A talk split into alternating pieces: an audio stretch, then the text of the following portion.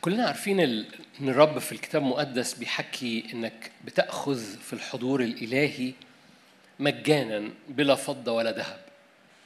بمعنى إن مفيش حاجة تقدر تدفعها بتدي صلاحية ليك إنك تاخد حاجة من الرب.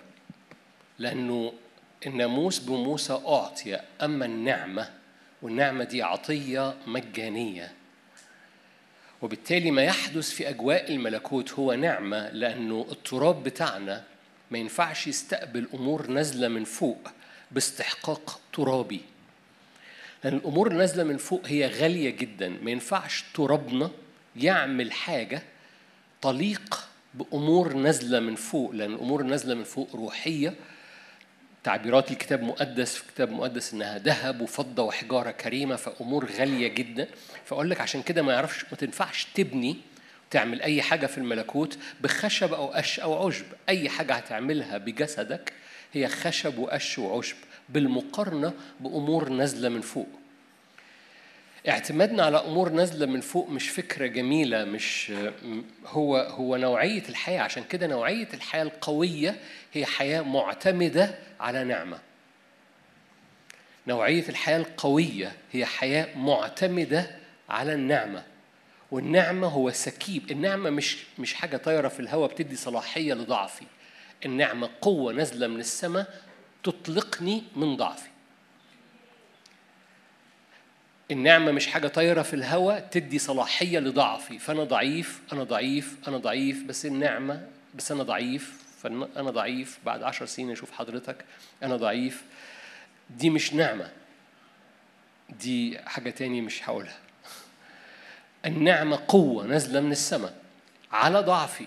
فما فيش مشاكل في ضعفي. قصة ترابي أنا مش مستخبي من ترابي. لما الرب قابل آدم قال له مين قال لك إنك عريان؟ أنت فعلا عريان بس مش الهدف إنك تشخص نفسك إنك عريان.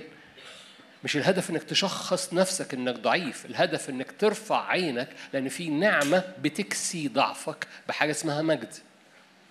عشان كده آدم ما كانش شايف نفسه وهو في العلاقة مع الرب إنه عريان.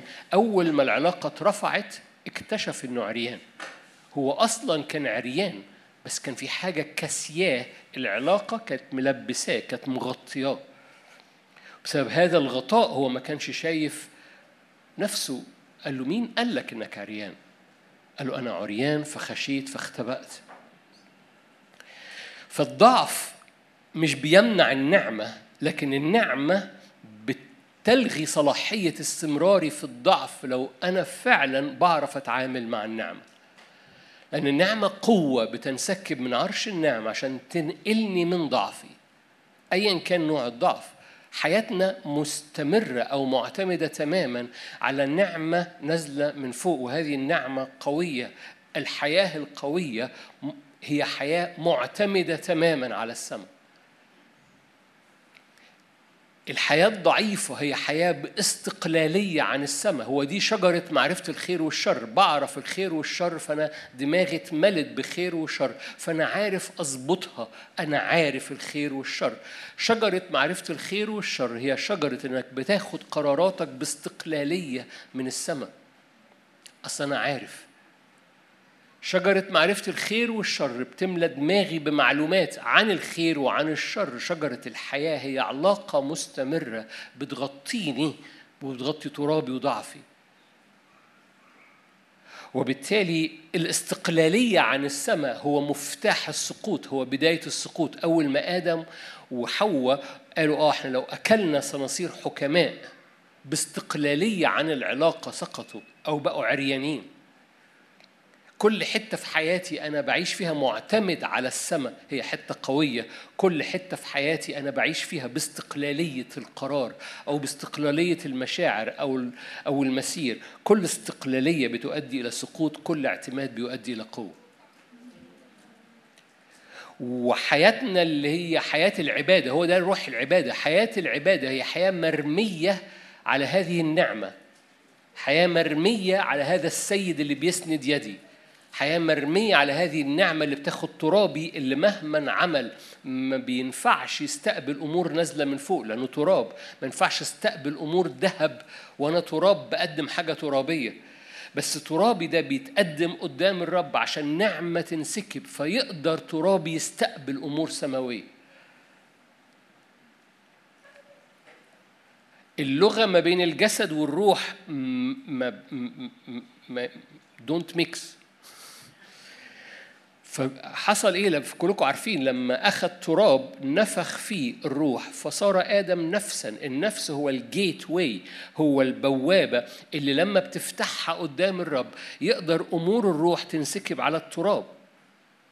فلما بتسكب قلبك وبتسكب عبادتك وبتسكب حالا أنا موقف كلمة معينة هقولها وأنا يعني لأن هي دي لما بتسكب الجيت بوابات نفسك قدام الرب الأمور الغالية السماوية بتجد مجال إنها تلمس التراب لأن الجسد والروح ما بيعرفوش يتقابلوا ما بينهم ما فيش لغة مشتركة. فجسدي كتير يحاول يعتمد أو يعيش باستقلالية عن السماء وأول ما بيعيش باستقلالية بيكتشف ضعفه بيكتشف عريه بيكتشف إنه مش نافع. أول ما جسدي بيسكب بينسكب قدام الرب وهنا النفس بتتفتح بالعطش للنعمة العطش لهذا الزيت. هذه النعمة اللي بتنسكب من بوابات نفسك اللي هي إيه؟ اللي هو عينيك وقلبك ومشاعرك تاخدها قدام الرب. عشان كده إبليس يحب يقف على بوابات النفس والمشاعر ويلغوش يلغوش بإعياء ويلغوش بخوف ويلغوش بتفشيل ويلغوش بلياش نفس بيلغوش ما أنت ما أنت صليت وما جابتش نتيجة يلغوش بإنهاك أو بإنك ترمي الفوطة عارفين ترمي الفوطة؟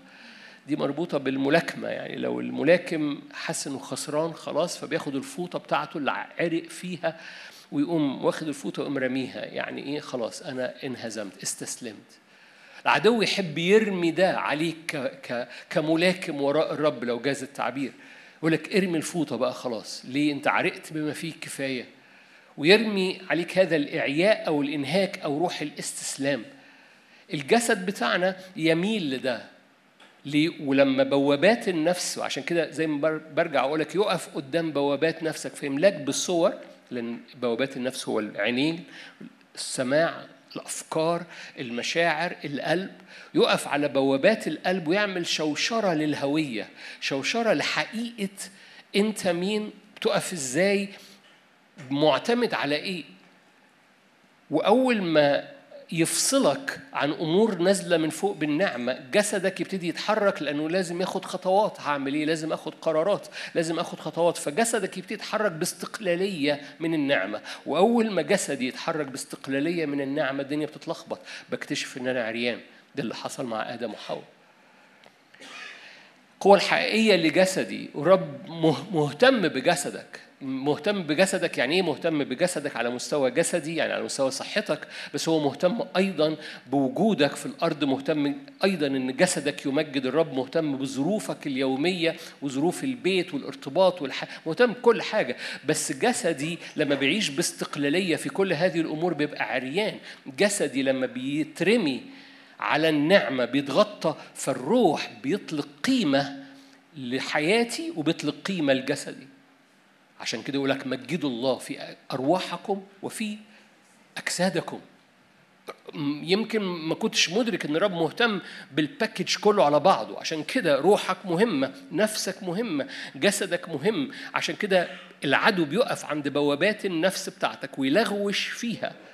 ومرة تاني لو العدو واقف على بوابات الجيتس بتاعت نفسيتك في الاجتماع الصلاة من فضلك ما تفوتش حتى وانت قاعد. قول أنا برش الدم على بوابات نفسي وبعد كده هصلي في الآخر.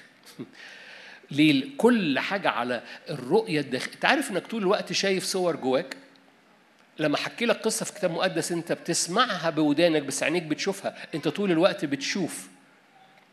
لما تسمع خبر عن عن لما تسمع خبر عن أي حاجة في البلد مثلا أنت عينيك بتشوف الخبر مش بتسمع بس. فانت بتسمع قصة لكن جواك ملفات بتصور ليك هذه القصة برغم إنك ما شفتهاش.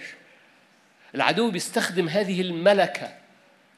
هذه الملكة اللي موجودة جوه الإنسان بالمناسبة هذه الملكة مش موجودة في الحيوان ولا في خليقة أخرى. الجبال مش بتتصور حاجات جواها والحمير مش بتصور حاجة جواها.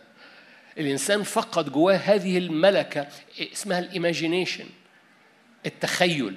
وإحنا تربينا ان التخيل دي حاجة وحشة. ليه؟ لأن إحنا من اول ما تربينا ان التخيل دي حاجة وحشة ملا الرب خيالنا بالحاجات الوحشة. ويزود في خيالنا صور وحشة ويزود بسبب خيالنا أحلام وحشة. ليه؟ لأنه بحسب ما تشعر في نفسك وترى في نفسك هكذا أنت. ومقاصد الرب أنه الرب يريد أن يقدس هذه الملكة لأنه هو اللي سكبها جواك. هو اللي سكبها جوه البشر علشان يستخدموها وراه مش عشان يستخدموها باستقلالية عنه. أي حاجة بتتحرك في حياتك باستقلالية عن حضوره بتكتشف عريها بتكتشف إنها تراب وفشلة وبتس... والعدو يستخدمها لأنه بيقف على أبوابها ويقول لك طب أوكي أنا هشوشر عليها. فيملى صور مرض يملى صور سلب يملى صور حوادث يملى صور كوارث يملى صور توقع إن الأمور لو في صورة حلوة مش هتكمل ليه؟ لأنه هو هو واقف على أبواب هذه هذه الملكة اللي الرب حطها عشان يستخدمها لأنه لأنه الصورة اللي في الروح مجيدة جدا والصورة اللي في الجسد ترابية جدا فالرب حط ملكة اسمها إنك تبصر دي اسمها بصيرة. يعني شيل كلمة تخيل عشان كلمة تخيل في ذهننا ليها خلفية سلبية وحط كلمة بصيرة روحية. لأن لو التخيل اتحط وراء الرب ده يبقى اسمه بصيرة روحية. صباح الخير. والأن اتربى جوانا عقدة من كلمة تخيل برغم إن الكتاب المقدس يقول لك إن الرب هو اللي خلق هذه الملكة جوه الإنسان عشان تستخدم وراء الرب ولما بتستخدم وراء الرب بقى اسمها بصيرة روحية.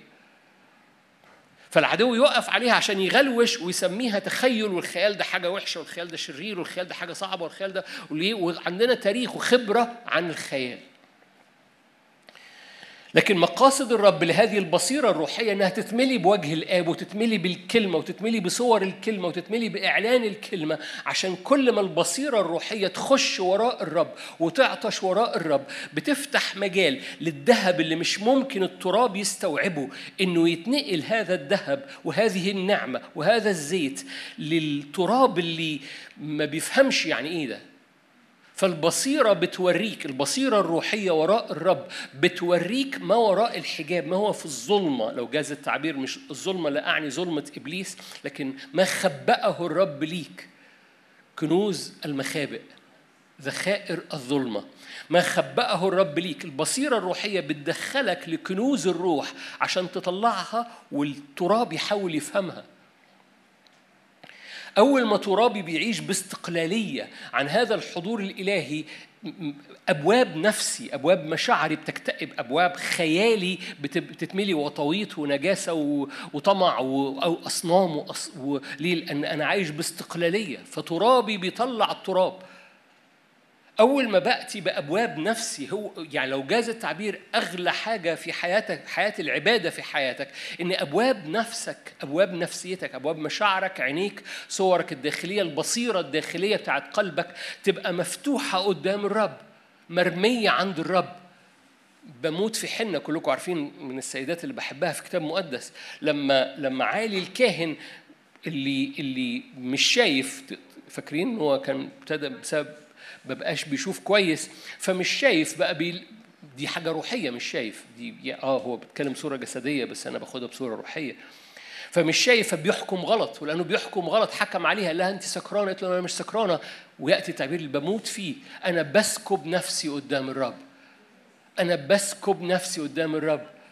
تعبير يجنن. ما أعرفش أنت فكرت هي مش بتقول تعبير كده روحي يعني ما كانتش ماسكة مايك بتوعظ أنا بسكب نفسي أنا بأخذ جسدي وعقمي وعقري والمهانة بتاعتي والتعيير اللي بترميه عليا ضرتي و و و وإحباط جوزي باخد كل ده وبسكب نفسي قدام الرب. حنة كانت بتصلي قبل كده كلكم عارفين الجمل دي بقولها كتير حنة كانت بتصلي قبل كده كل سنة كانت بتروح تقدم ذبائح للرب. بس في هذه السنة صلواتها حصل لها شفت حصل لها حصل شفت أخذت حاجة من عرش النعمة. ال ال ال ليه؟ لأنها سكبت فتحت أبواب نفسها قدام الرب. وقام سكبت كل حاجة. قالت له حتى لو أعطتني هذا الابن أنا بقدمه ليك. أنا بسكب كل حاجة فيا. أنا بفتح كل بوابات نفسي وترابي ليك. فلو اديتني ابن أنا بأعيره ليك. فلما سكبت كل هو ده هي دي العبادة. أنا بسكب أنا برنم ترنيمات أنا بحضر اجتماع. no no, مش دي العبادة. العبادة هي أنا بأخذ جسدي وبرميه لأن أنا معتمد اعتماد تام بكل أبواب نفسي قدام الرب. عشان كده حب الرب إلهك من كل قلبك نفسك فكرك. هو فكرك ده إيه؟ ده التخيل ده ال imagination بتاعك ده البصيرة الروحية بتاعت ذهنك. عشان كده الكتاب المقدس يقول لك تجددوا بروح ذهنكم إيه روح ذهنك؟ دي؟ دي البصيرة الروحية. فحب الرب إلهك من كل قلبك من كل نفسك من كل فكرك ومن كل قدرتك ده جسدك. وهذه هي الوصية الأولى هو دي أهم حاجة بتعملها هو ده. هي دي العبادة هو ده وقت العبادة اللي فيه كل حاجة بتترمي قدام الرب. وغير كده يقول لك لا يظن أنه يأخذ شيء من عند الرب. في يعقوب يقول هذا التعبير عن المرتاب. والمرتاب ده عكس المؤمن. فحنا سكبت كل حاجة قدام الرب فأخذت في هذه اليوم. أنا بحب قوي أنا وإحنا كنا قلت مرقص مش كده؟ تعالوا نروح لحنة. ما ينفعش أتكلم عن حنة من غير ما أتكلم عنها لأنها جميلة. أنتوا عارفين أنا عندي محاباة في الكتاب المقدس. صميل الأول صح اتنين. صميل حنة رنمت ترنيمة. ترنيمة حنة وترنيمة العذراء مريم محتاجين دراسة. ترنيمة حنة في صاح الثاني من صميل الأول وترنيمة العذراء مريم محتاجين دراسة لأنه مليانين إحنا متعودين عليهم بنقراهم وبنعديهم. بس تكتشف إنه الترنيمة اللي رنمتها حنة مش ترنيمة واحدة بقت حامل. يعني ما أعرفش ترنيمة واحدة بقت حامل. إيه الترنيمة اللي بترنمها؟ لكن لما تبص على لغة ترنيمة حنة مش ترنيمة واحدة كانت عاقر بقت حامل. فصلت حنة وقالت فرح قلبي بالرب ارتفع قرني بالرب تسعى فمي على أعدائي. قد ابتهجت بخلاصك خلي بالك لما القلب بيسكب قدام الرب في حاجة اسمها قرن بيرتفع. قرن ده رمز في الكتاب المقدس للقوة. فلما القلب بيعبد خلي بالك إن الكتاب مش مسميها ترنيمة الكتاب مسميها صلوة. صلت حنة وقالت. دي صلوة. قلبي الفرحان بيطلق قوة فارتفع قرني بالرب. مش بس كده قلبي الفرحان بيطلق اتساع في فمي على كل صوت ارتفع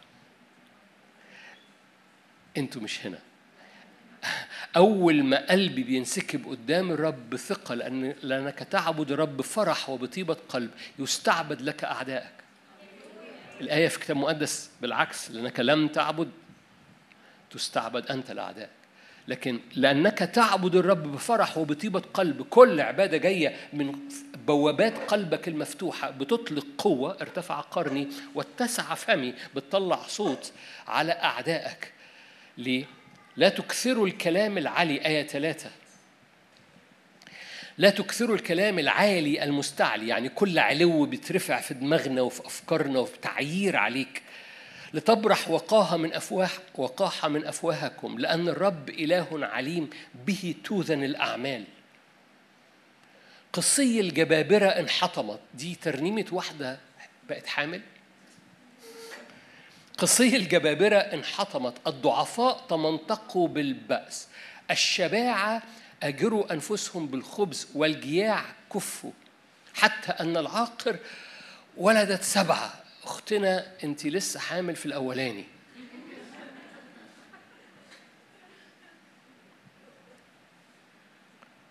الرب يميت ويحيي. يهبط إلى الهوية ويصعد الرب يفقر ويغني يضع ويرفع. طبعا يقيم المسكين من التراب يرفع الفقير من المزبلة قبل ما أكمل يعني ببساطة طبعا دي لغة العهد القديم لكن القصة بتقول إيه؟ يعني يا بخت اللي الرب في صفه. طوبى للرب في صفه. طوبى للرب بص عليه وحط إيده وقال أنا معاه. ليه؟ لأن الرب الرب في صفه بيقوم. حد فاهم حاجة؟ ببساطة ده اللي هي بتقوله طوبى للرب في صفه. هتشوف المفتاح حالا. إيه اللي بيخلي الرب في صفك؟ بس وهي بتحكي عن القصي الجبابرة الجياع كفوا العقر ولدت سبعة الشباعة أجروا أنفسهم بالخبز. يعني اللي هم فاكرين نفسهم باستقلالية عن الرب عندهم كل حاجة بقوا بيشتغلوا بالأجر عشان ياكلوا. هو ده ده اللي بتقوله. هو ده الشباعة أجروا أنفسهم بالخبز. يعني هم متصورين إن هم بانفصال عن الرب شبعانين بقوا بيشتغلوا بأجرة عشان ياكلوا خبز. أما الجياع المعتمدين اتملوا. أنتوا شايفين الآية؟ فهي بتحكي عن مفارقة ما بين وأنا منفصلة عن الرب حالتي إيه وأنا معتمدة على الرب حالتي إيه. ويا بخت من رب من اللي الرب في صفه. فاهمين حاجة؟ يا بخت من إن الرب حط إيده على أرضه. عشان كده بتعمل هذه المقارنة. دي مش ترنيمة واحدة. حامل داخل في قصي الجبابرة انحطمت والضعفاء تمنطقوا بالبأس. آية أربعة أنا برجع مرة تاني أنا بلعب طالع نازل. لأن الترنيمة دي محتاجة دراسة. دي مش مش دراسة اللي أنا بعملها. دي أنا بتأمل معاك. لكن الترنيمة دي فعلا محتاجة دراسة. مليانة تكنولوجيا ترنيمة حنة وترنيمة العذراء. مريم مليانين آيات مش بتاعت واحدة بقت حامل أو حتى فببساطة طوبى للرب طوبى للراجل أو المرأة اللي الرب حط إيده على أرضه ده. ليه؟ لأن كل حاجة بتتنقل. باستقلالية بتموت ب ب ب باعتمادية على الرب بتتبارك. يقيم المسكين من التراب. آية 8 مرة تاني يرفع الفقير من المزبلة للجلوس مع الشرفاء ويملكهم كرسي المجد. خلي بالك أختنا مجرد بقت حامل. اقرأ الآية دي مرة تاني على الشاشة. يرفع الفقير من المزبلة للجلوس مع الشرفاء ويملكهم كرسي المجد لأن للرب أعمدة الأرض وكلكم عارفين أعمدة الأرض في التقليد اليهودي يعني ال ال ال ال الأشخاص اللي الرب يعتمد عليهم عشان يثبت أرض. يا أختنا أنت مجرد بقيتي حامل. بس أختنا حنة مش مش خبطة في المسكنة هي خبطة فيما هو أبعد هي خبطة فيما هو كنوز المخابئ هي خبطة فيما هو أكثر. عشان كده تقول العاقر ولدت سبعة. يا حبيبتي أنت حامل في الأولاني ومش ضامنة التاني. أنت بالعافية جبتي واحد. لكن أختنا مش خبطة. وحد أنا أنا أنا أنا بتكلم عن العملة اللي أنت بتستخدمها في الملكوت لأن كل حاجة مجانا لأنها بنعمة لكن في عملة بتستخدم في عملة في الملكوت بتتاجر بيها العملة دي مش مش مش ذهب وفضة لأنه قال بلا فضة ولا ذهب، العملة دي مش أعمال جسد، العملة دي مش صلاحك ولا برك، العملة دي مربوطة بالنعمة والشيء الوحيد اللي مربوط بالنعمة هو الإيمان. ده العهد الجديد ده أفسس هو الإيمان بالنعمة. أنتوا هنا؟ عملة الإيمان هي العملة الوحيدة اللي بتفتح كل إمكانيات النعمة على حياتك. عملة الإيمان مش عملة آه، هحكي هحكي شوية عشان أنخفس معاك في حتة ولو أنت محتاج تنخفس أكتر جون كاتب كتاب عن الإيمان.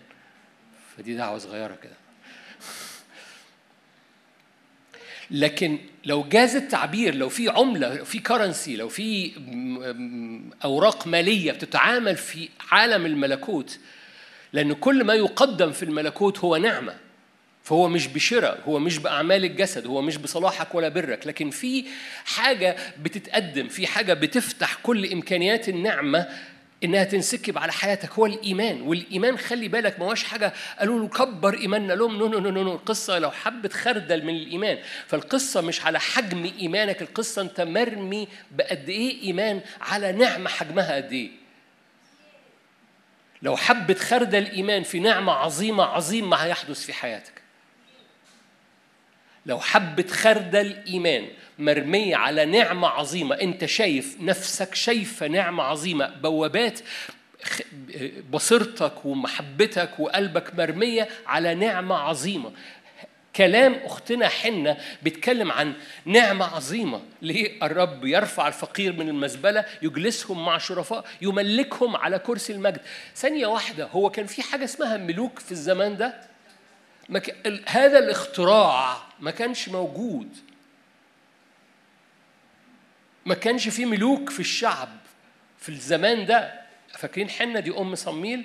صميل هو اللي كان بيمسح الملوك. فقبل صميل ما كانش فيه ملوك حنة أم صميل. ما فيش حاجة اسمها ملوك. بس حنة التكنولوجيا بتاعت ترنيمتها أو صلواتها مرمية على نعمة. أنا بسكب نفسي قدام الرب. فبتتكلم لغة مش لغة واحدة بقت حامل. بتتكلم لغة عن أعمدة الأرض. يرفع الفقير من المزبلة للجلوس مع دي, دي نفسية مش نفسية عبد مش نفسية واحدة متهانة نفسية واحدة ملكة من جوه. نفسية واحدة مش ترابية نفسية واحدة ترابها نفسيته اتفتحت على هذا الحضور الإلهي ودخلت لي الحدود الغير محدودة للإيمان. لأن الإيمان ملوش حدود لأنك بتؤمن بإله ملوش حدود. أنا سبقت نفسي أرجع لورا سنة وأقول الجملة دي مرة تاني لأن محتاج أقولها مرة تاني و... إلهك ملوش حدود.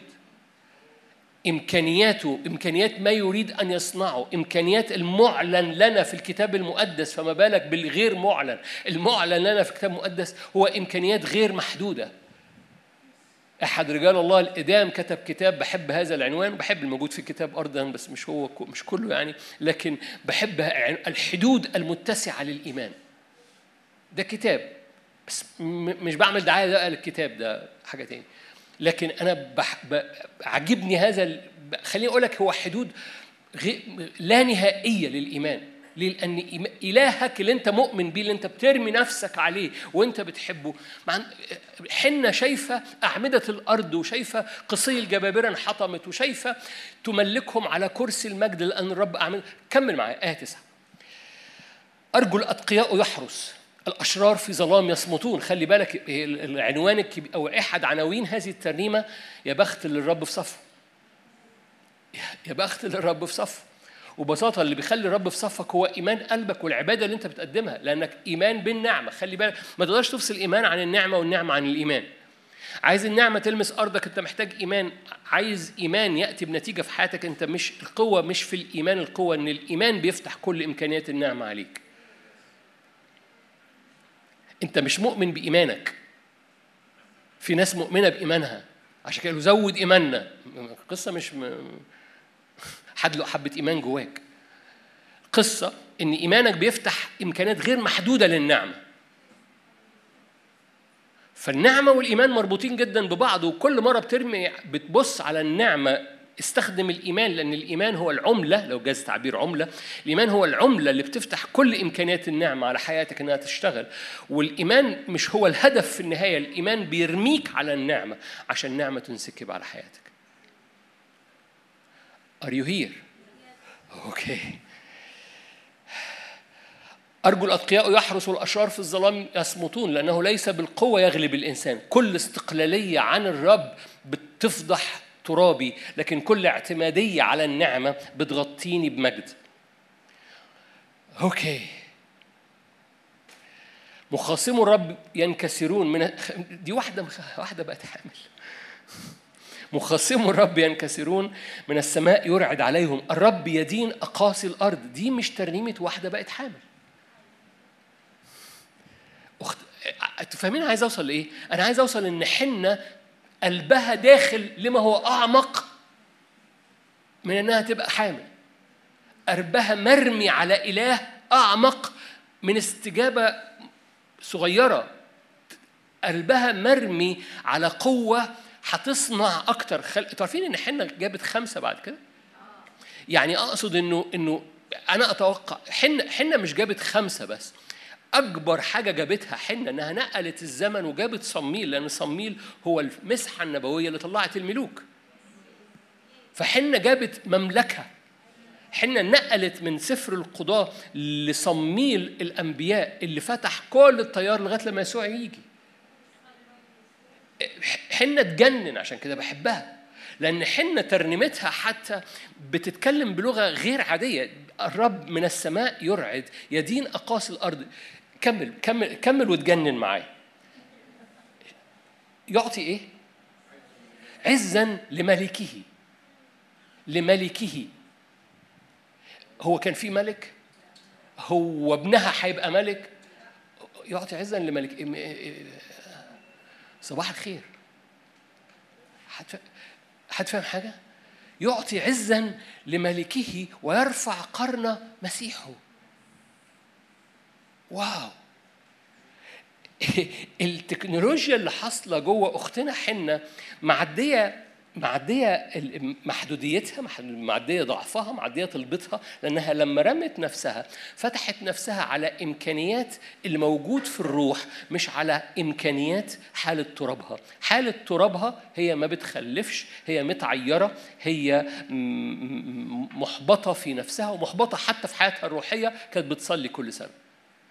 لكن لما رمت نفسها النفس فتحت بوابات وهذه البوابات اللي اتفتحت إمكانيات الروح حتى إنها تتنبأ. أنا إيماني إن هنا في نبوة. هنا في نبوة. تتنبأ عن الملوك اللي جايين. ما كانش في حاجة اسمها ملوك في شعب الرب. هي دخلت على إمكانيات أعلى جدا من ترابها. ترابها لما اترمى وفتح بوابات النفس إمكانيات الروح انسكبت على نفسيتها فما بقتش المحبطة الغلبانة المكتئبة المرة اللي ضرتها بتخاصمها بقت بقت ملكة رفع من المزبلة للجلوس مع الشرفاء. أنا أؤمن برضو إن الآية دي عن نفسها. تتكلم عن نفسها. أنا كنت في المزبلة. ضرتي بتعايرني جوزي متفشل وأنا محبطة في حياتي الروحية. كل حاجة مش ماشية. كانت مرة لكن ببساطة في حاجة اتغيرت لما رفعني من المزبلة وأجلسني مع شرفاء الشعب. مين شرفاء الشعب اللي أجلسك معاهم؟ أنا لغتي اتغيرت. إيه اللي غير لغتك يا حنة من واحدة مرة مش بتخلف لواحدة بتتكلم عن أعمدة الأرض وشرفاء الشعب ومجد الملك ورب يكسر قصي الجبابرة. إيه اللي غير لغتك؟ رميت نفسي قدام الرب وفتحت بوابات نفسي وخدت ترابي واعتمدت على النعمة. فاللغة بتتغير المشهد بتغير الإمكانيات بتتغير النتيجة بتتغير الثمار رحمها بيتغير. فاللي ما كانش عارفة تجيب قطة بقت جايبة ستة. بقت جايبة ستة جابت صميل وجابت خمسة بعد كده. ليه؟ المشهد تغير تماما. نفسيتها اتغيرت تماما. الإمكانيات اللي في حياتها وإمكانيات روحها مش بس جسدها مش كان بس على أمور جسدية إمكانيات الروح إنها ترنم ترنيمة مثل هذه. لمجرد واحدة بقت حامل. ترنم ترنيمة هذه هي اللغة فيها. مليانة اختراقها مليانة كس أنا إيماني إن الترنيمة دي فاتحه لصميل. يعني صميل دخل بسقف حنة وسقف صلوة زي كده وسقف بطلة إيمان زي كده. فتحرك تحت هذا السقف وقام طالع وقام هو بقى مسح الملوك بعد كده. يعطي عزا لملكه. جبتيها من فين يا بنت اللذينة؟ تعال نروح لك إنجيل مرقس مرقس 11 مرقس 11 هذا الشاهد شاهد مشهور جدا. أي حد بيدرس عن الإيمان مؤكد عدى على هذا الشاهد. أي حد سمع عظات عن الإيمان مؤكد عدى على هذا الشاهد. هذا الشاهد بتوعظ زي ما بيقولوا إيه right left and center يعني كل الناس بتتكلم عليه. مرقس 11 20 في الصباح إذ كانوا مجتازين رأوا التينة قد يبست من الأصول. دي التينة اللي الرب يسوع وهو معدي وهو راجع من أورشليم لعنها. لأنها كانت تينة خادعة فيها ورق ما فيهاش ثمر بدون دخول في تفاصيل التينة التينة ليها مدارس تفسير كتيرة. بس واضح إن التلاميذ تعاملوا مع إن الرب كلم التينة ولعنها إنه يعني الرب بتطلع منه حبة حاجات كده مش لازم نفهمها وخلاص. فتذكر بطرس وقال له يا سيد انظر الحق التينة التي لعنتها قد يبست. يعني إحنا افتكرناك بتتكلم أهو كلام لما لعنت التينة وهم راجعين لقوها يبست فأجاب يسوع قال له ليكن لكم إيمان بالله. أو في, في الأصل اليوناني إيمان الله. حق أقول لكم من قال لهذا الجبل انتقل وانطرح في البحر ولا يشك في قلبه بل يؤمن. أن ما يقوله يكون فمهما قال يكون له. أوكي. لذلك أقول لكم كل ما تطلبونه حينما تصلون. هنا دخل على الصلاة وإن الصلاة جزء يعني التشريع جزء من الصلاة. أو إنك تقول للجبل انتقل ده مربوط بالصلاة. بس خلينا في الآية دي. آية 24 لأنه لما قلت لك حنة ترنيمة حنة هي صلاة حنة وهنا يسوع اتكلم عن صلاة. أقول لكم كل ما تطلبونه حينما تصلون فآمنوا أن تنالوه فيكون لكم. ممكن أقول لك جملة بايخة. اللي بيخلي اللي أنت طلبته ليك مش إنك صليت ليه لكنك آمنت. بصوا في الآية مرتين كل ما تطلبونه حينما تصلون يكون لكم. نو no. أنا بايخ أنا حذرتك أن هقول جملة بايخة. كل ما تطلبونه حينما تصلون يكون لكم. أنا فوتت حتة.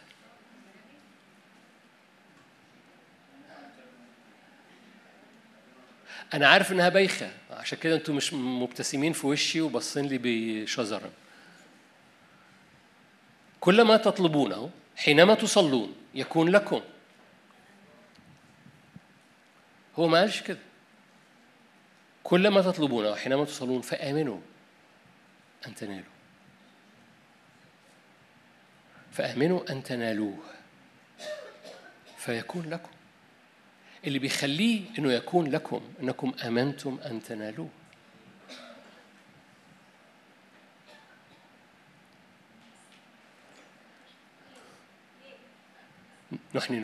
نحني رؤوسنا للصلاة.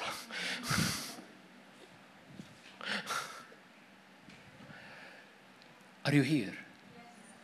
خلي بالك الإيمان مش مجهود. ما, ما تطلعش آه أنا ما طب افرض مش جوايا إيمان. الراجل قال له أنا مش عندي إيمان. بس أنا بفتح كل نفسي قدامك. أنا بأتي بكل عدم الإيمان اللي فيا وبرميه عند رجليك. أعني يا سيد ليه؟ لأنه ما عنديش إيمان. أعن عدم إيماني. فأعمل إيه بعدم إيماني؟ أؤمن. إن لما برمي كل حاجة حتى عدم إيماني أنت هتعمل معجزة. خلي بالك إن الإيمان الإيمان الإيمان في كتاب مقدس. أوكي. لأن إحنا بنسمي نفسنا مؤمنين بس بيبقى عندي علامة استفهام حتى بتكتشف إنك مؤمن في حاجات ومش مؤمن في حاجات. خلي بالك الإيمان اللي بتكلم عليه النهاردة مش إيمان إيمان ابن الله إنه مات من أجلي وغفر خطيتي. ده ده إيمان وإن كان بيلمس في ده. لكن الإيمان اللي بتكلم عليه هو الإيمان الحياتي. اللي هو بيتكلم عليه هنا إيمان الحياة. البار بالإيمان إيه؟ بيعيش. أوكي. الإيمان في كتاب مقدس بيأتي بحاجتين. بيأتي ب, ب... يقولوا إيه؟ في النحو. يأتي كاسم علم كعنوان يعني الإيمان. ويأتي كفعل الإيمان. فبيأتي كإيمان كفعل أنا جوايا إيمان. فالإيمان يأتي كاسم علم كموضوع كف... كحاجة كحاجة تقدر تمسكها ده الإيمان. أو يأتي كأنا جوايا إيمان أو أنا بأؤمن ده فعل. ولازم تفرق ما بين الاثنين لأن الإيمان هو حاجة جواك أنت عارف إن الإيمان جواك؟ أنت عارف حد أنت عارف إن الرب أعطى كل حد مننا مقدارا من الإيمان؟ تعرف إن مقدار الإيمان اللي جواك في كل لحظة هو المقدار الإيمان إن اللي أنت لو رميته بالكامل بالكامل الإيمان اللي جواك في أي لحظة لو رميته بالكامل من خلال عبادتك من خلال بوابات نفسك على الرب في أي لحظة أنت بتفتح كل نعمة أنت محتاجها في اللحظة. ما خدتوش بالكم أنا هنزل. ممكن أنزل؟ ممكن أنزل. قالت لي آه. لازم آخد الإذن الأول. في كل لحظة أنت عندك تحدي معين، في مفيش لحظة أنت ما عندكش تحدي، كل حد مننا عنده تحدي في لحظة. بس التحدي اللي أنت بتمر بيه محتاج معجزة. لأن لو أنا عشت في التحدي باستقلالية عن الرب ترابي هيتفضح. لو أنا عشت في لحظتي باعتمادية على إمكانيات الروح القدس فبرمي نفسي وبوابات نفسي على الرب هذه الإمكانية بتنسكب فبنتصر في اللحظة. عشان أرمي نفسي واستقبل هذه المعجزة أنا محتاج إيمان. حجم الإيمان لو جاز التعبير حجم حجم الإيمان اللي عندي النهارده في اللحظة هو الحجم اللي الرب لأن لكل واحد منا أعطي أعطي ده جريس أعطي ده مفعول بيك.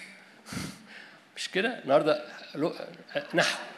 مفعول بيك أعطيت مقدارا من الإيمان. المقدار اللي موجود في اللحظة هو المقدار اللي أنت محتاجه عشان حجم النعمة ينسكب على حياتك وتنتصر في التحدي بتاع اللحظة.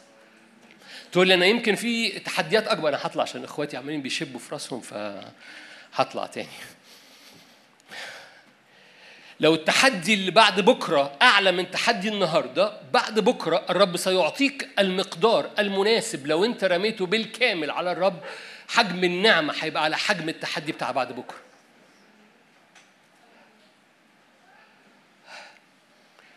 مش عارف نورت ولا لأ فحدوس من حتة تاني.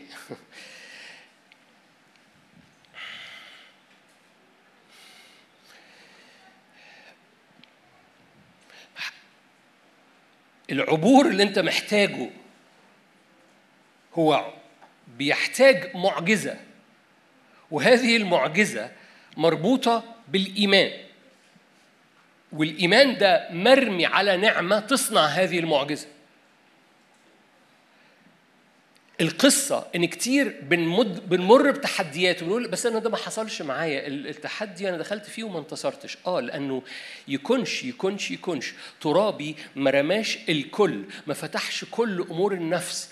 وبوابات نفسي وأفكاري ومشاعري والإيماجينيشن بتاعي البصيرة الروحية بتاعتي وراء الرب لما حنة سكبت نفسها إمكانيات النعمة وده كان إيمان إمكانيات النعمة اللي انسكبت على أرضها كانت أكبر جدا من حجم احتياجها. مرة تاني التحدي بتاع اللحظة رب يضع فيك إيمان. هو مش ده بس كل الإيمان خلي بالك فهكمل معاك. بيضع فيك إيمان. عشان هذا الإيمان يفتح عليك النعمة فتنتصر في تحدي اللحظة. لو أنا وقفت كلمات ونزلت قعدت جنب حضرتك أو حضرتك قلت لك إيه التحدي اللي بتمر بيه؟ تقول لي كذا أقول لك في داخلك بالفعل دلوقتي الرب أعطى بالفعل إيمان. خلي بالك الإيمان مش بس أعطي لكم مقدارا من الإيمان. تعرف إن الإيمان من مواهب الروح القدس؟ تعرف إن مواهب الروح القدس دي بتعطى دي هبة. هبة يعني هبة مجانية لمن يست... لا يستحق. بس تعرف إن الإيمان هو الحاجة الوحيدة اللي موجودة في مواهب الروح القدس وفي ثمر الروح القدس؟ في قائمة لثمر الروح القدس تسعة في قائمة لمواهب الروح القدس تسعة. الحاجة الوحيدة الموجودة في القائمتين هي الإيمان. فأنت وراء الرب معطى مقدار من الإيمان. تمشي مع الروح القدس يطلع ثمر اسمه إيمان. تطلب هبة من الروح القدس يسكب عليك هبة إيمان. أنتوا هنا؟ الإيمان هو حاجة متحركة ده الكرنسي ده الأجواء ده القصة بتاعت العبادة العبادة بدون إيمان. أقرأ لك الآية مرة تاني. أقول لكم كل ما تطلبونه انت شايفينها لسه؟ كل ما تطلبونه حينما تصلون. آمنوا ان تنالوه فيكون لكم.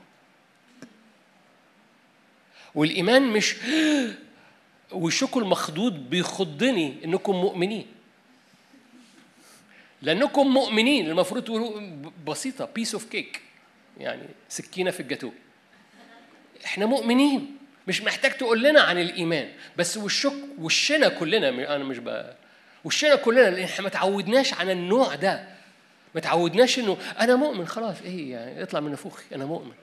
no القصة إن الإيمان ده ده ده ده ده ده substance ده ده حاجة حقيقية والإيمان ده فعل. يعني يعني يعني يعني الإيمان ده بيخليك تاخد والإيمان ده بيخليك تمشي على المية فالإيمان ده فعل. بطرس لما آمن مشي. فالإيمان ده حاجة قلبية ثابتة صخرة. من آمن الإيمان هو الثقة. الثقة دي لما تبص على الكلمة اليونانية بتاعتها مش إن واحد واثق. الإيمان هو حاجة زي substance بالإنجليزي substance يعني المادة بتاعت ما ترجوه. يعني جواك رجاء حاجة مش ممسوكة. الإيمان يخليك ماسكه فالإيمان حاجة تخليك تمسك اللي أنت بترجوه.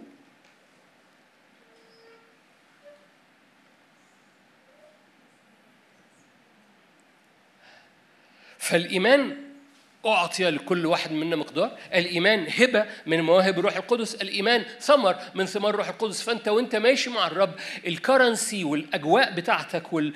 هو حاجة اسمها إيمان والإيمان ده بيديك إنك بتمسك اللي أنت بترجوه والإيمان ده بيديك إنك تمشي على المية لأن مشي بطرس على المية بالإيمان.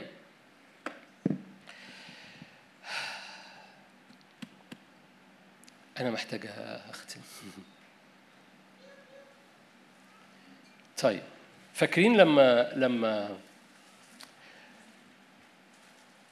أبو البنت بعتوا له خبر إنها ماتت؟ يسوع قال له لا تخف آمن فقط. فاكرين القصة؟ أفتحها لكم لا أفتحها لكم احتياطي. مرقس خمسة. مرقس خمسة. طالما كنا في مرقس. مرقس خمسة.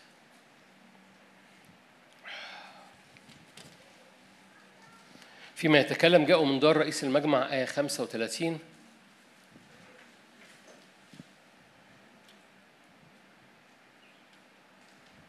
ده يايروس جاءوا من دار رئيس المجمع قايل بنتك ماتت لماذا تتعب المعلم بعد؟ ما تتعبش نفسك. وما تتعبش المعلم. فسمع يسوع الوقت الكلمة التي قيلت فقال رئيس المجمع لا تخف آمن فقط أنا عارف إن إحنا عارفين القصة بس أنا حبيت أحطها قدامك عشان بس تفكر في الآية بس. لا تخف آمن فقط. خلي بالك إحنا بسبب التدين عارفين لما يسوع قال للفريسين آية بايخة أبطلتم كلمة الرب بسبب تقليدكم؟ بسبب تعودنا كتير القوة الموجودة في الكلمة زي الآية دي. يعني الآية دي بتذكرني يعني أو الآية دي بتذكرني بالآية اللي قالها يسوع. أبطلتم كلمة الرب أو قوة الكلمة بسبب التقليد بسبب التعود. تعودنا. فدي آية بتتوعظ بس دي مش آية بتتوعظ بالنسبة ليايروس دي ما كانتش آية بتتوعظ قال له امسك في حاجة أنت بترجوها. الإيمانك هيخليك تمسكها. لا تخف آمن فقط. في حاجة حقيقية اسمها إيمان. امسك فيه. آمن فقط. هي دي العملة اللي بتفتح البوابة. هي دي اللي بتخلي الرب في صفك. البديل خوف. أنا وعدتكم يوم السبت أنا طولت في المقدمة. دي كانت المقدمة. أنا وعدتكم يوم السبت المشاركة ثلاث أجزاء. قلت لكم الجزء الثاني من المشاركة هيبقى عن نبي صح؟ هجيب لكم نبي بس نبي مش مشهور. ونبي مش هلومكم انكم مش عارفين. فاكرين النبي بتاع المرة اللي فاتت؟ هابيل. هابيل نبي حتى هابيل طلع نبي. قضاة ستة. ده نبي بقى ملوش اسم اللي ما يتسماش. ده نبي من الأنبياء اللي ما تسماش. بس ده نبي مش مشهور لأنه جاي في وسط قصة والقصة فبنعدي ال paragraph بتاع النبي ده مذكور في paragraph في في في جزء صغير في قضاة ستة. ولأنه موجود ما بين حتتين بيتوعظوا كتير فالنبي ده مهضوم حقه. لأن رسالة هذا النبي مبلوعة في وسط حتتين بيتوعظوا. الجزء الأولاني من ستة ده مديان اللي بتخش على شعب الرب بيتلفوا غلة الأرض فما فيش بركة لا قوت للحياة الحياة فيها استنزاف ولا غنم ولا بقر ولا حمير ولا ولا صحة ولا قوة ولا جراد. كالجراد بيجوا ويدخلوا الأرض ويخربوها. فذل إسرائيل أنا بقرأ لك الآيات لغاية آية خمسة وستة. ماشي. فالمديانيين بيخشوا يستنزفوا كل خير كل بركة كل ما يجي شعب الرب يزرع زراعة يجوا المديانين وياخدوا الزراعة نتائج الزراعة دي. كل ما يجوا يعملوا حاجة ياخدوا البقر والبهايم ياخدوا كل فأعيا الشعب وذل. اتاري بقى في paragraph بعد ال paragraph ده. ال paragraph الأولاني مشهور لأنه بتوعظ كتير علشان نخش على جدعون اللي هو ما بعد هذا النبي. فما بعد هذا النبي جدعون بيظهر. فبتتنقل المشاركات دايما من الجزء الأولاني لأخونا جدعون. بس آية سبعة آية ثمانية الرب أرسل رجلا نبيا إلى إسرائيل فقال لهم خلي بالك لما تقرأ الأفعال في في الأصل العبري تكتشف إنه هذا الرجل النبي قال هذه الرسالة قبل ما المديانين يخشوا. بس المديانين كانوا بيعملوا حصار يعني كانوا موجودين بس ما كانش الحالة وحشة أوي للدرجة دي. الرب أرسل رجل نبيا إلى بني إسرائيل مش مكتوب اسمه إيه ده قال لهم هكذا قال الرب إلى إسرائيل أصعدتكم من مصر. ده بيذكرهم بانتصارات بيذكرهم ب يا بخت من كان الرب في صفه. بيذكرهم بتاريخ عيلتهم فاكرين لما بنتكلم عن عيلتنا؟ إن عيلتنا قديمة قوي. بيذكرهم بتاريخ عيلتهم. أنا أصعدتكم من مصر أخرجتكم من بيت العبودية أنقذتكم من يد المصريين من, جد من يد جميع مضايقيكم. طردتهم من أمامكم وأعطيتكم أرضهم. وقلت لكم خلي بالك أنا الرب إلهكم. لا تخافوا آلهة الأموريين التي الذين أنتم ساكنون أرضهم. ولم تسمعوا صوتي. انتهت قصة النبي. انتهت قصة هذا النبي. النبي ده كان معاه رسالة. كان لسه الحالة ما سقتش قال لهم بصوا أنتوا ايد الرب في صفكم. ما تخافوش من آلهة الأمم. ما تخافوش إن اللي بيحصل في الأمم وفساد الأمم واستنزاف الأمم يخش على أرضكم. وكان في رسالة نبوية ما تخافوش من آلهة الأمم. فلم تسمعوا فإيه اللي حصل؟ اتسلبوا.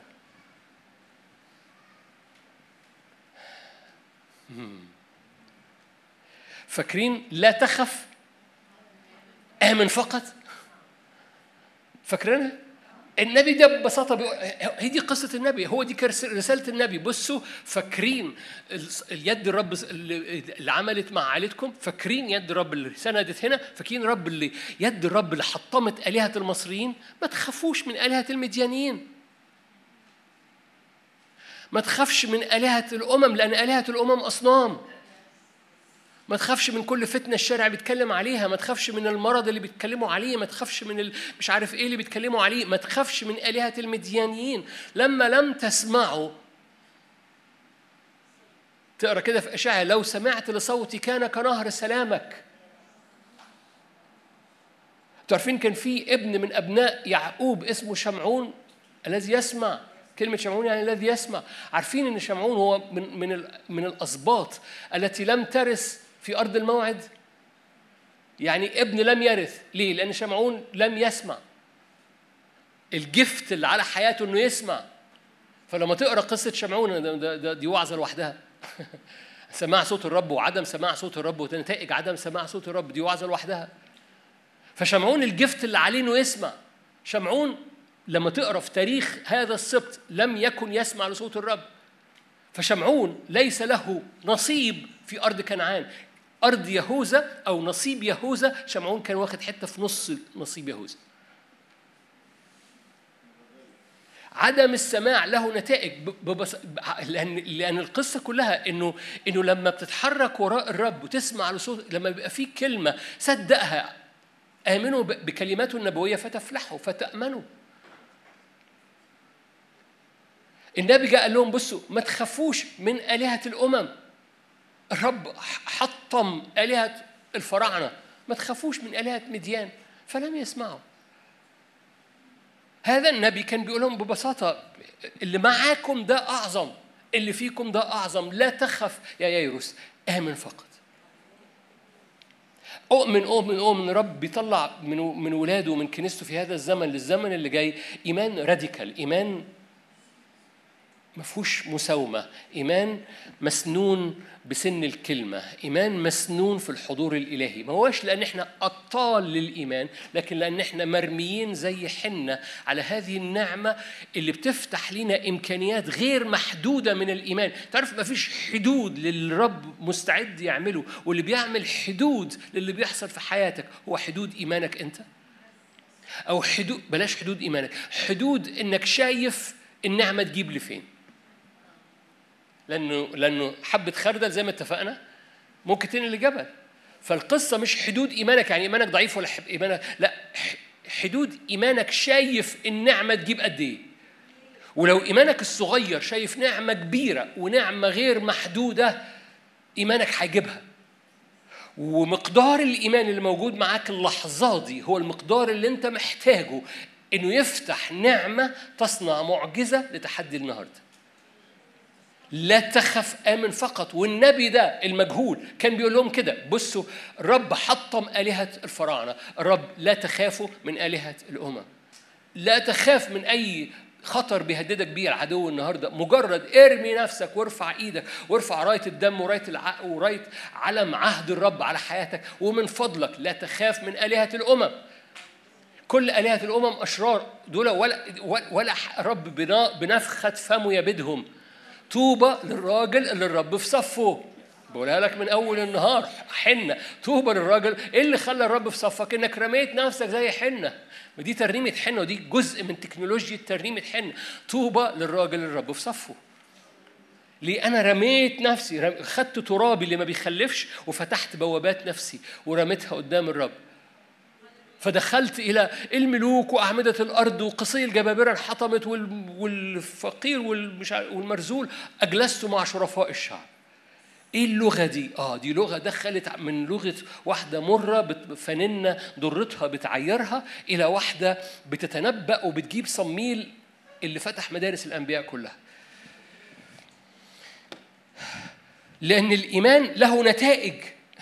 الإيمان له نتائج لأن الإيمان بيديك ال ال ال ال إنك تمسك اللي أنت بترجوه. فخليني أرجع ببساطة كل مرة بتقف قدام هنقف مع بعض بعد دقايق قدام الرب. الإيمان هو الكرنسي لو مرة تاني الإيمان هو العملة اللي بتشتغل في أجواء الملكوت. أنا ده تعبير بس عشان تستوعب. فببساطة هو إيه؟ أنت واقف؟ آه أنا أنا واقف قدام الرب بس أنا بس أنا جوايا حقيقة اللي أنا برجوه. أنا برجو الرب أنا جوايا حقيقة وجودك في حياتي. أصل أنت بتقولي أنا برجو برجو مش عارف إيه. أول حاجة أرجوها ملكوت الله وبره صح؟ ارجو الرب عارفين آية ترجو الرب؟ ارجو الرب أنا أنا أنا أنا هو ده رجائي رجائي فيك. فالإيمان هو حقيقة رجائك. بس الرب الموجود دلوقتي والرب الموجود دلوقتي ده يهوى شمة الرب اللي بيصنع كل حاجة في أرضك يا بخت اللي الرب في صفه. عشان كده بدون إيمان هنا الإيمان ده ده ده ده الاسم. بدون إيمان بدون هذه المادة بدون هذا السبستنس لا يمكن إرضائه وبعد كده لأن من آمن ده فعل أوكي. أعمال واحد ونختم. شفتوا النبي كان صغير إزاي؟ بس كان ده, ده نبي يجنن بالنسبة لي. ده نبي بيقول لك ما تخافش من آلهة الأمم. أيا كان اسم آلهة الأمم. مرض عوز ضعف قصص سلبية اختراعات أمراض كائنات فضائية خليقة أخرى. كل آلهة الأمم أصنام أعمال واحد.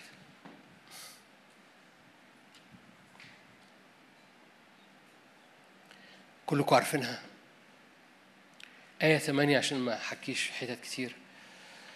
تنالون قوة متى حل الروح القدس عليكم. تكونون لي شهودا. أورشليم اليهودية السامرة إلى أقصى الأرض. كلنا حافظين الآية بس مرة تانية أذكرك بالآية اللي قالها يسوع.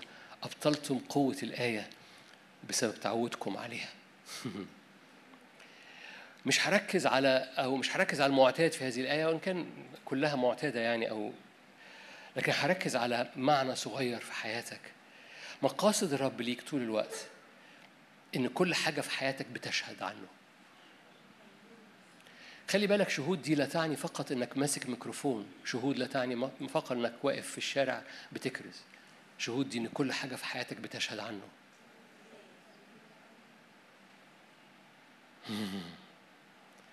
وانك مليان حاجات وهقول لك حاجات دي إيه؟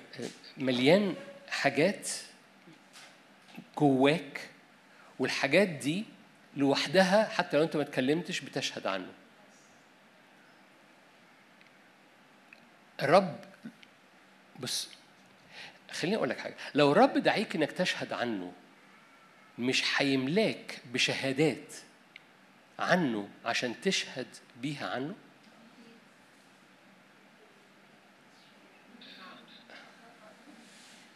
يعني لو هو بيقول لك خلي بالك هذه الآية مش موجودة بس هنا موجودة في آخر متى تشهدوا عني إلى أقصى الأرض. فقصة إنكم تشهد عن الرب دي آية مكررة إن ولاد الرب كلهم يشهدون عن الرب.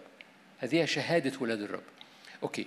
لو الرب بيدعوك إنك تشهد عنه لازم هيملاك بحاجات تشهد بيها عنه. فلو أنت هتعيش عشان تشهد عنه محتاج تثق إنه هيملاك بمحطات يشهد فيها عن نفسه فيك. لأن كل ما بيشهد عن نفسه فيك بيبقى عندك شهادة تشهد بيها عنه. أنا مش متأكد إنكم كلكم هنا بس هكمل. كل ما بيملاك بشهادات عنه كل ما بيملاك بشهادات تشهدها أنت عنه. ولو أنا بعيش أشهد عنك. ببقى متوقع إنه يملى مسيري بمحطات مليانة شهادات. لأن كل ما أنا بتملي بشهادات منه بتملي بشهادات عنه. هذه الشهادات مش بقوة طبيعية هذه شهادات بقوة نازلة من فوق تنالون قوة.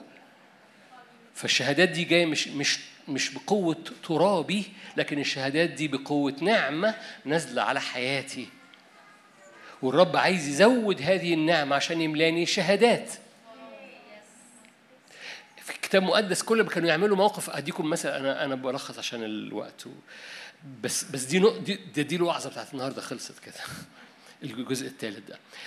كل مرة كان بيحصل حاجة كانوا بينصبوا نصب عمود حجر ويدهنوا زيت يقول لك يصنعوا هذا تذكارا. تذكارا يعني إيه؟ مش عشان يتذكروا لا ده بيشهد. ده شهادة. فكل موقف الرب بيبقى عايز يبني جواك حتة. كل شفاء الرب يعمله. عايز يبني جواك حتة. كل أمانة مادية رب بيعملها. هو هي شهادة عنه. مش شهادة عن الفلوس هي شهادة عنه. ورب يملاك شهادات بيبنيها كحجارة. خلي بالك كلمة شهادة في الكتاب المقدس مربوطة بحاجة مش حاجة طايرة في الهواء حاجة ممسوكة. عشان كده اسمه حجر الشهادة. لو حي الشريعة مش اسمه حجر الشهادة؟ تابوت الشهادة. كهنة حاملين تابوت الشهادة. فالقصة إن في حاجة ملموسة اسمها شهادة الرب لو حي الشريعة هما لو حي الشهادة هو إيه الشهادة هنا في القصة؟ هو في حد بيشهد هنا في في الوصايا العشر؟ نو no, ده تستموني ده ده ده ده ده طبيعة إلهية. الشهادة بتحمل طبيعة إلهية. والرب عايز يملاك بشهادات كحجارة. كحجارة يعني يعني صنيع. آه أنا أنا عندي الشهادة دي وعندي الشهادة دي والشهادة دي بتحمل طبيعة الرب. فالقصة مش كثيرين بيجوا لي بشهادات عن إزاي الرب سدد احتياجات بطريقة معجزية. الشهادة هنا مش الفلوس الشهادة هنا هو الصلاح. Are you here؟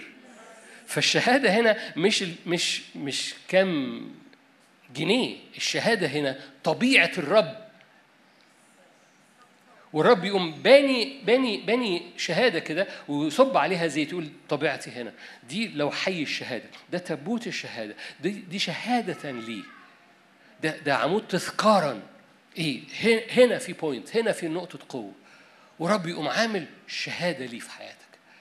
ورب يملى حياتك بمحطات مثل هذه. عشان خلي بالك المحطات دي بتغير من طبيعتك. فلما يجي حد يسلم عليك باين عليك. باين على عينيك. العالم يقول العين نافذة الروح. لكن الكتاب المقدس يقول حاجة مشابهة لكده. بحسب ما هرجع هنا بحسب البصيرة الروحية عينيك بتتملي. ياما عينين تشوفها وتشوف أرواح الشر. وياما عينين تشوفها وتشوف مش سلام لا. ياما عينين تشوفها وتشوف توقع معجزة تشوف حيوية الحضور الإلهي. عينين الرب جمرات نار. وبالتالي البصيرة الروحية بتوريك اللي حاصل في الروح. البص... عينيك الروحية عينيك الطبيعية لو في حد عنده تمييز يقدر يشوف عينيك الروحية ورا عينيك الطبيعية فيوريك عينيك الروحية شايفة إيه؟ عينيك الروحية لازم تبقى مليانة بالنعمة اللي مليانة حدود غير محدودة لهذه النعمة وجواك إيمان بهذه النعمة الغير محدودة اللي ممكن تفتح تفتح صحة وتفتح نعمة مش شفاء بس صحة ونعمة واستخدام لأن الرب عايز يمجد اسمه في جسدك وفي روحك وفي نفسك. وعايزك ترمي على كل حاجة في حياتك عليه لأنه مستعد يجدد شبابك. مستعد يكسر الحدود الطبيعية للصحة والحدود الطبيعية للقوة والحدود الطبيعية للقدرة والحدود الطبيعية للطاقة والحدود الطبيعية للبركة والحدود الطبيعية إن كوز الزيت يفضل قاعد مليان قد إيه والحدود الطبيعية لكيلة الدقيق تفضل مليانة كم أسبوع في البيت والحدود الطبيعية لما الواد يموت وايليا ينام عليه والحدود الطبيعية لكل القصص الموجودة لا تخف آلهة الأمم أصنام آمن فقط لأن إيمانك في النعمة بيفتح إمكانيات غير محدودة. ويملاك بشهادة شهادة شهادة شهادة. فلما تيجي ببساطة تحكي في يوم من الأيام مع حد معاك في الشغل ولا حد معاك في البنك ولا حد معاك في ال... في ال... ببساطة اللي خارج منك مش اللي أنت بتقوله بس ده خارج منك كل حجارة شهادة اتملت في حياتك. كل محطات الشهادة اتملت في حياتك. فاللي مش خارج منك العربي اللي أنت بتقوله لكن خارج منك شهادة. مش خارج منك كلام خارج منك شهادة. انت عمرك ما هتعرف تاخد حد إلى الحتة انت رحتها. أنا قلت الجملة دي قبل كده وهكررها. عمرك ما هتعرف تاخد حد إلى الحتة انت رحتها. عمرك ما هتاخد حد بشهادتك إلا بشهادة بالفعل انت رحتها. ورب يريد أن يملك أنت بشهادات صلاحه عشان أنت تشهد عن صلاحه. رب يريد أن يملك أنت بشهادات شفائه عشان أنت تشهد عن شفائه. رب يريد أن يملك أنت بشهادات جوده ونعمته عشان أنت تشهد. لأن الرب دعاك شاهد بحاجات هو شهد فيها عن نفسه في حياتك. آمين. خلونا نصلي. خلونا نصلي مع بعض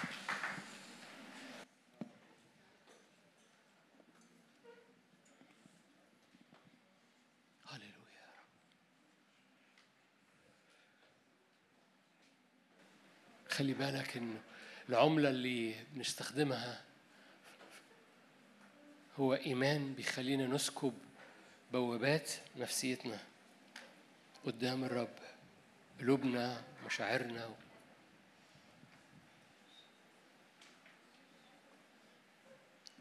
البصيرة الداخلية بتاعتنا. فارفع عينك لوجهه. من يفصلك الآن عن وجهه؟ ارفع عينك لمحبته الأبدية. محبة أبدية أحببتك. أدمت لك الرحمة. ارفع عينك للي غير محدود في القوة غير محدود في الإمكانية في الصلاح في المحبة. غير محدود. وهذا الغير محدود مليان نعمة ليك. النعمة والحق. هي يسوع.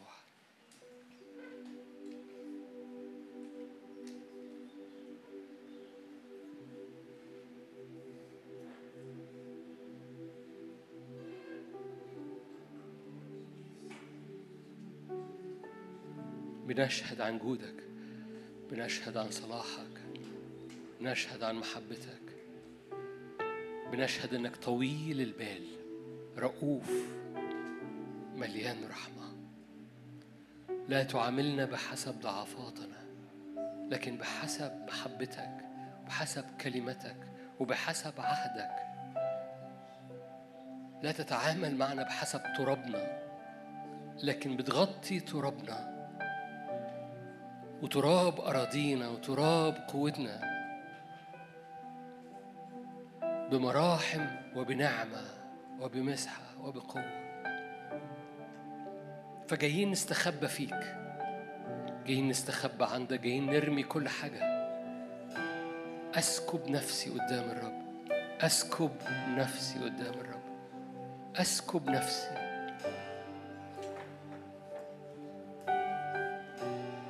أفتح كل بوابات مشاعري وأفكاري وقلبي وعينيا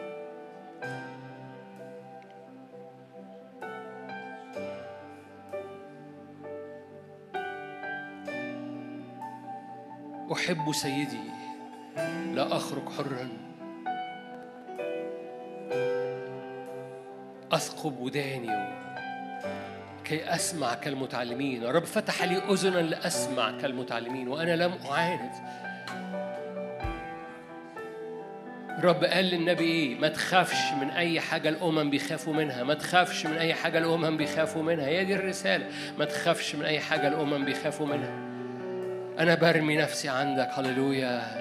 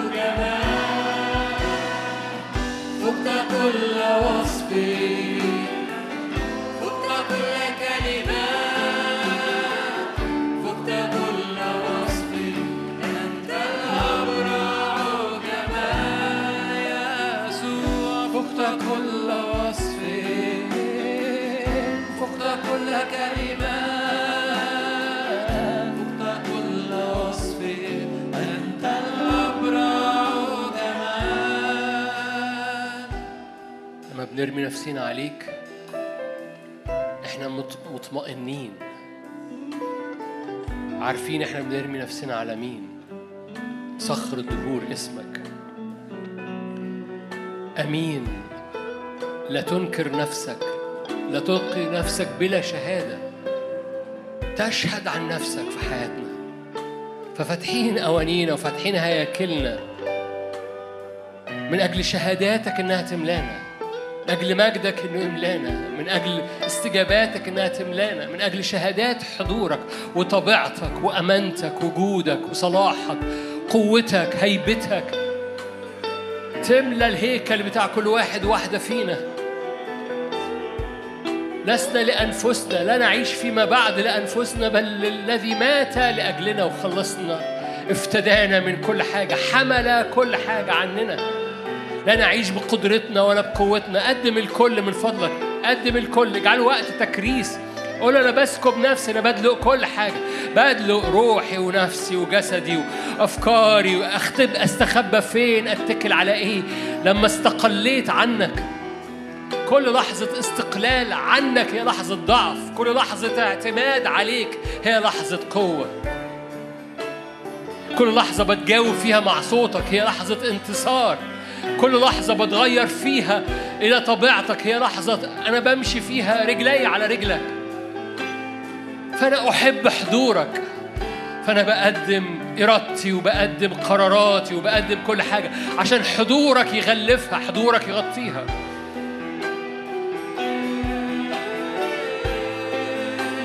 خلي وقت تكريس قدم الكل قدم الكل قدم النفس والإرادة والمشاعر والمسؤوليات الشخصية. قدم الكل وأنا بستخبى فيك.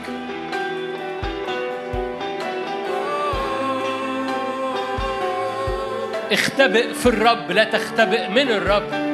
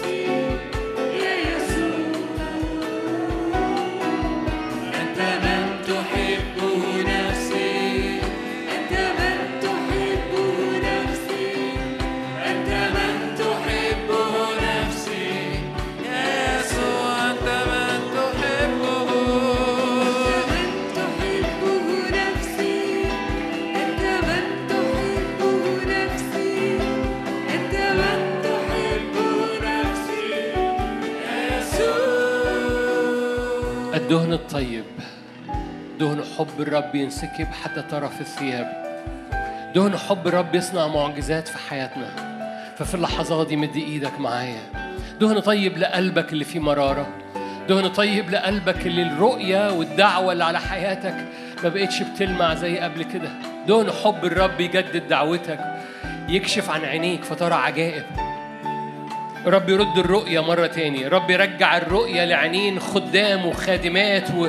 وناس فقدوا الرؤية خلال الوقت اللي فات أو فقدوا حيويتها. محبة الرب ترجع رؤية دعوتك ورؤية تكريسك ورؤية سرعتك وصحتك وحركتك وجريك وراء الرب في الدعوة. رب يجدد نشاط رؤيتك من جديد فصلي معايا. قول يا روح الله أنا بستقبل بالنعمة. لمعان جديد للرؤية لمعان جديد لطاقة مسيري وراك.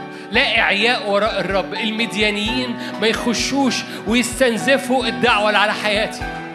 لن أخاف خوف الشارع لن أخاف خوف الشارع لن أخاف خوف الشارع. باسم الرب يسوع هو ده النبي قال كده لا تخافوا آلهة المديانيين لا تخافوا آلهة الشارع. لا تخافوا آلهة الشارع. باسم رب يسوع. فقول له روح الله تعالى جدد الدعوة جدد الرؤية بمحبة بمحبة بمحبة. هللويا. أغمر البيت أغمر القلب أغمر عينيا باسم الرب يسوع. هللويا. كحل عينينا بكحل جديد لكي نبصر. الوعود القديمة وال- والتكليف القديم والتشجيعات قلبك القديمة رب يرجعها بيقومها ليكي.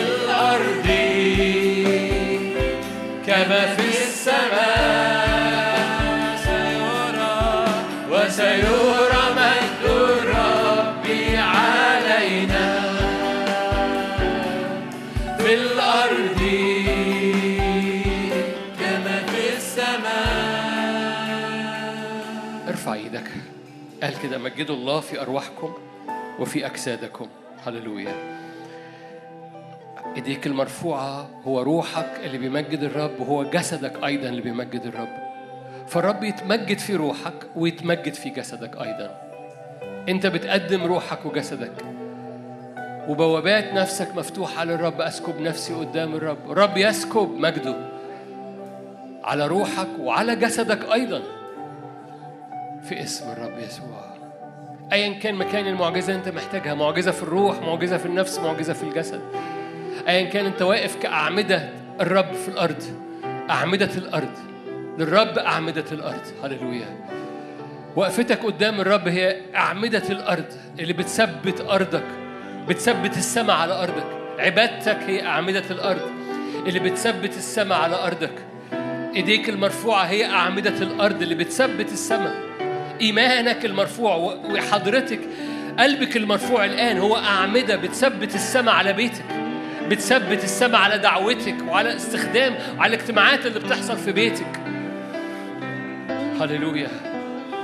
باسم الرب يسوع. فالرب يتمجد في الروح ويتمجد في النفس ويتمجد في الجسد ويتمجد في الدعوة ويتمجد في الأسرة.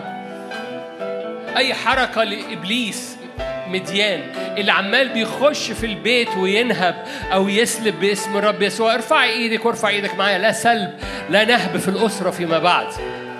لا نهب للولاد لا نهب للأفكار لا نهب للبركة لا نهب للصحة لا نهب للوقت. باسم رب يسوع. مديان يبطل يدخل أرضك. مديان يبطل يدخل بيتك. لا تخافوا خوف الشارع. مديان يبطل ينهب. باسم الرب يسوع. باسم الرب يسوع. هللويا. رب يتمجد في روحك وفي نفسك وفي جسدك.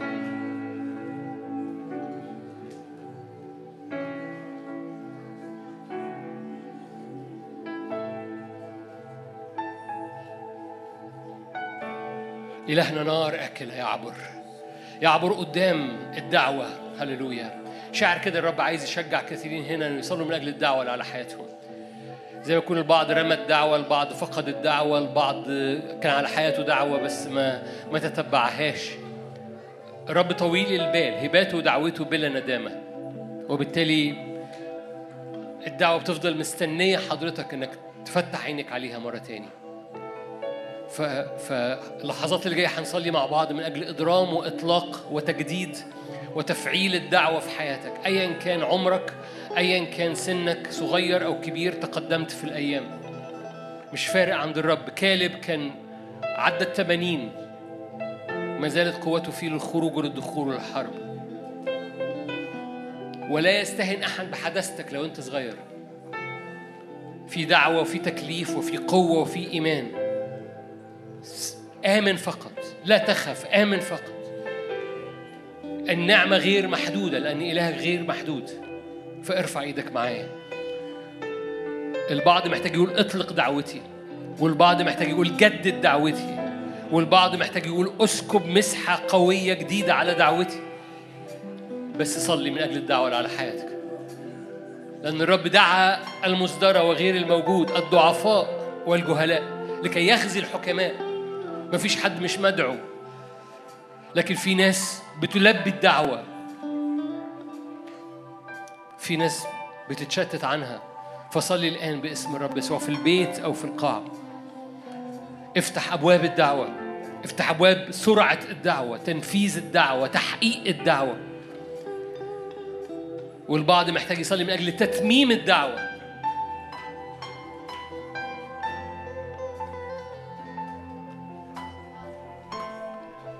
من فضلك ارمي سهام كتيرة ما ترميش صلا- صلاتين وتقف كده. غضب النبي وقال له لو كنت رميت أربعة أو خمسة كنت حسمت.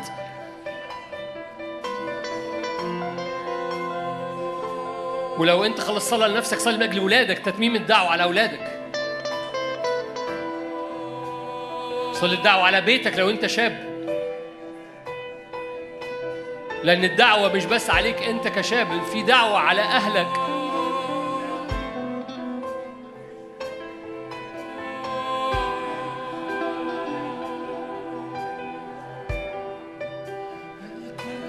اكسر السقف. كل محدودية بحسب ما انت شايف هتوصل. فمفيش محدودية للرب عايز يعمله. لا حدود. لا حدود للنعمة. لا حدود لإلهك اللي انت بتؤمن بيه. لا حدود للاستخدام الرب عايز يفتحه ليك. أكثر مما تطلب أكثر مما تفتكر أكثر مما تتخيل.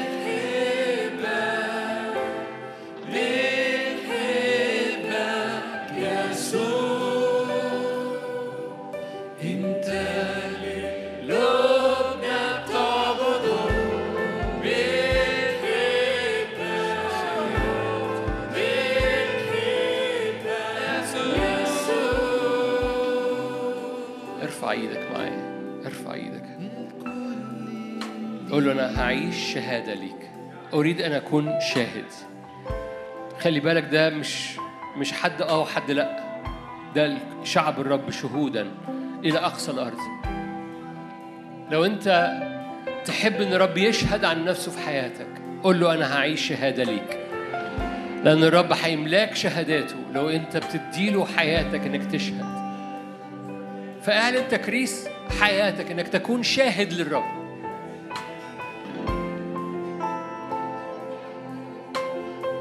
إن حياتك تبقى شهادة. فتكونون لي شهودا. خلي بالك ده مش بقوتك لا تنالون قوة. لو أنتوا هتعيشوا شهودا لي تنالون قوة. لو انت هتعيشوا شهودا لي. لو أنت بتقولي أنا وبيتي شهود ليك يا رب نشهد عنك. كل حد يجي لنا البيت كل حتة نروحها في عيلتي في أصدقائي في في الناس اللي أعرفهم في الشغل في في البيت في العيلة. شهودا له. نشهد عنه. بقدم لك الحياة لأشهد. لما بتقدم حياتك كده هو بيقول أوكي أنا هشهد عن نفسي فيكي هشهد عن نفسي في ولادك. هشهد عن نفسي في تاريخك. هللويا. قول له أنا بديك حياتي شهادة فالرب يقول لك وأنا هشهد في تاريخك. هللويا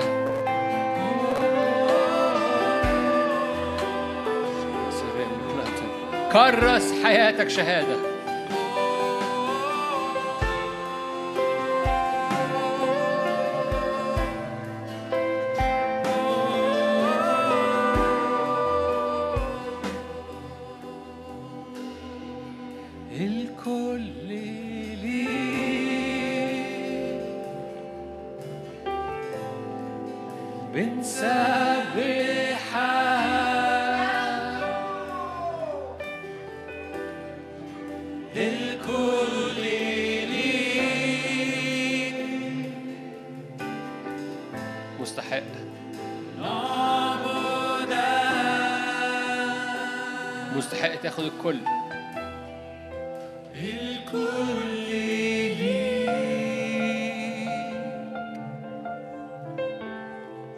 بتقدم الكل. دجون بيقع. حضور الرب اللي بيملى عبادتك وتكريسك وسجودك. انت تسجد دجون يقع. انت تقدم تكريس. افكاره وايديه تتقطع. مكتوب قطعت يديه ورأسه. افكار إبليس وإيدين إبليس على أرضك تتكسر. لأن طوبى اللي الرب في صفه. وحاطط ايده على أرضه. كل ما بتكرس أرضك كل ما بتكرس تاريخك الرب يحط ايده على أرضك. طوبى للراجل الرب في صفه.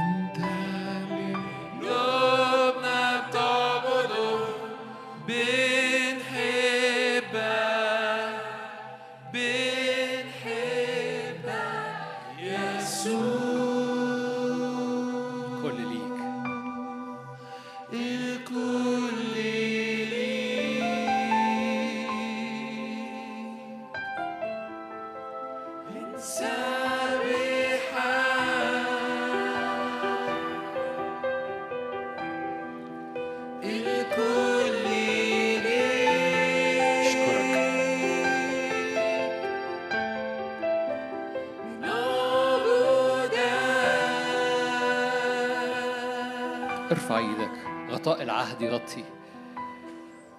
غطاء العهد يغطي شهادتك فتبقى شهادة بقوة.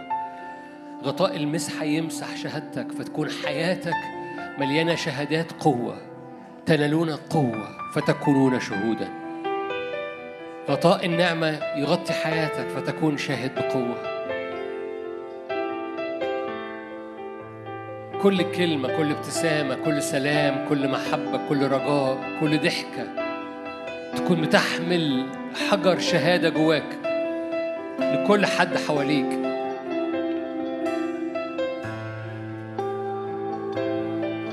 أمانة الرب وجود الرب وصلاح الرب شفاء الرب وعهد الرب. فأبويا السماوي غطي البيوت غطي الشباب غطي الدعوة غطي الاجتماعات غطي الأوض الشخصية غطي الخلوة الفردية غطي الأوقات. لا سلب تاني من مديان. لا سلب من مديان. مديان ما يخش الأرض وينهب. هللويا. لن نخاف خوف من آلهة الأمم من آلهة الشارع. لا سلب فيما بعد. لن نخاف. نؤمن فقط. نؤمن نؤمن. الإيمان هو حقيقة ما نرجوه. لا نعود نرجو بعد. هناك حقيقة لما نرجوه. اسمها يسوع. هناك شهادة في حياتنا. نؤمن. حقيقة اسمها يسوع.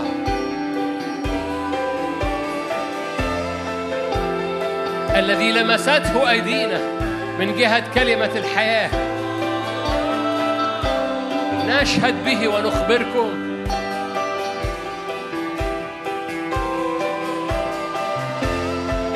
املى البيوت من مجدك. املى البيوت من مجدك. املى الأوض الشخصية من مجدك. املى الأشغال والمكاتب من مجدك. املى المكاتب املى الاشغال املى البيوت من مجدك من شهاداتك.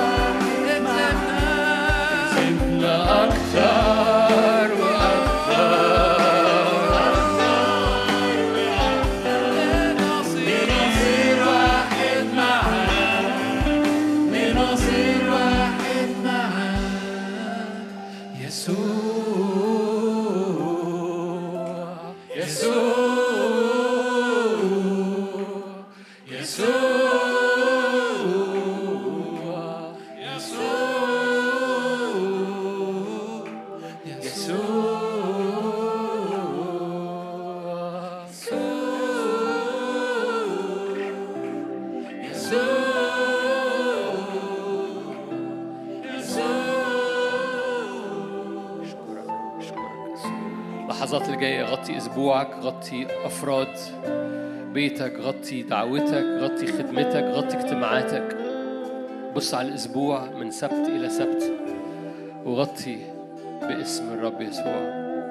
عهد الرب وكلمة الرب لا ترجع فارغة بل تنجح.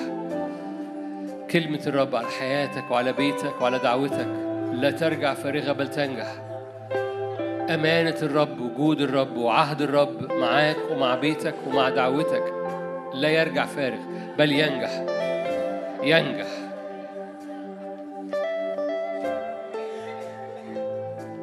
تمم مشيئتك. قل طعامي أن أعمل مشيئتك وأن أتمم.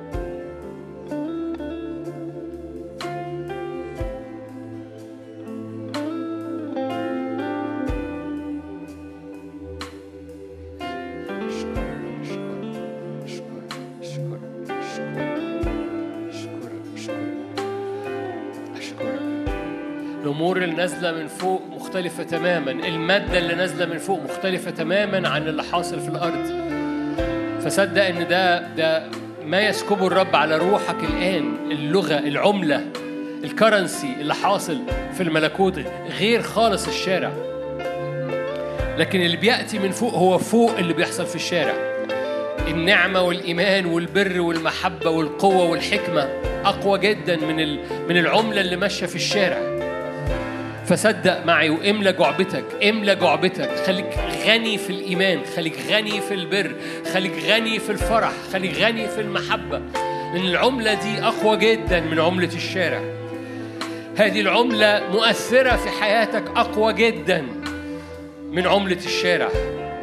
ما تخافش من آلهة الشارع. ما تخافش من آلهة الشارع. لا تخافوا من آلهة المديانين. آمن فقط.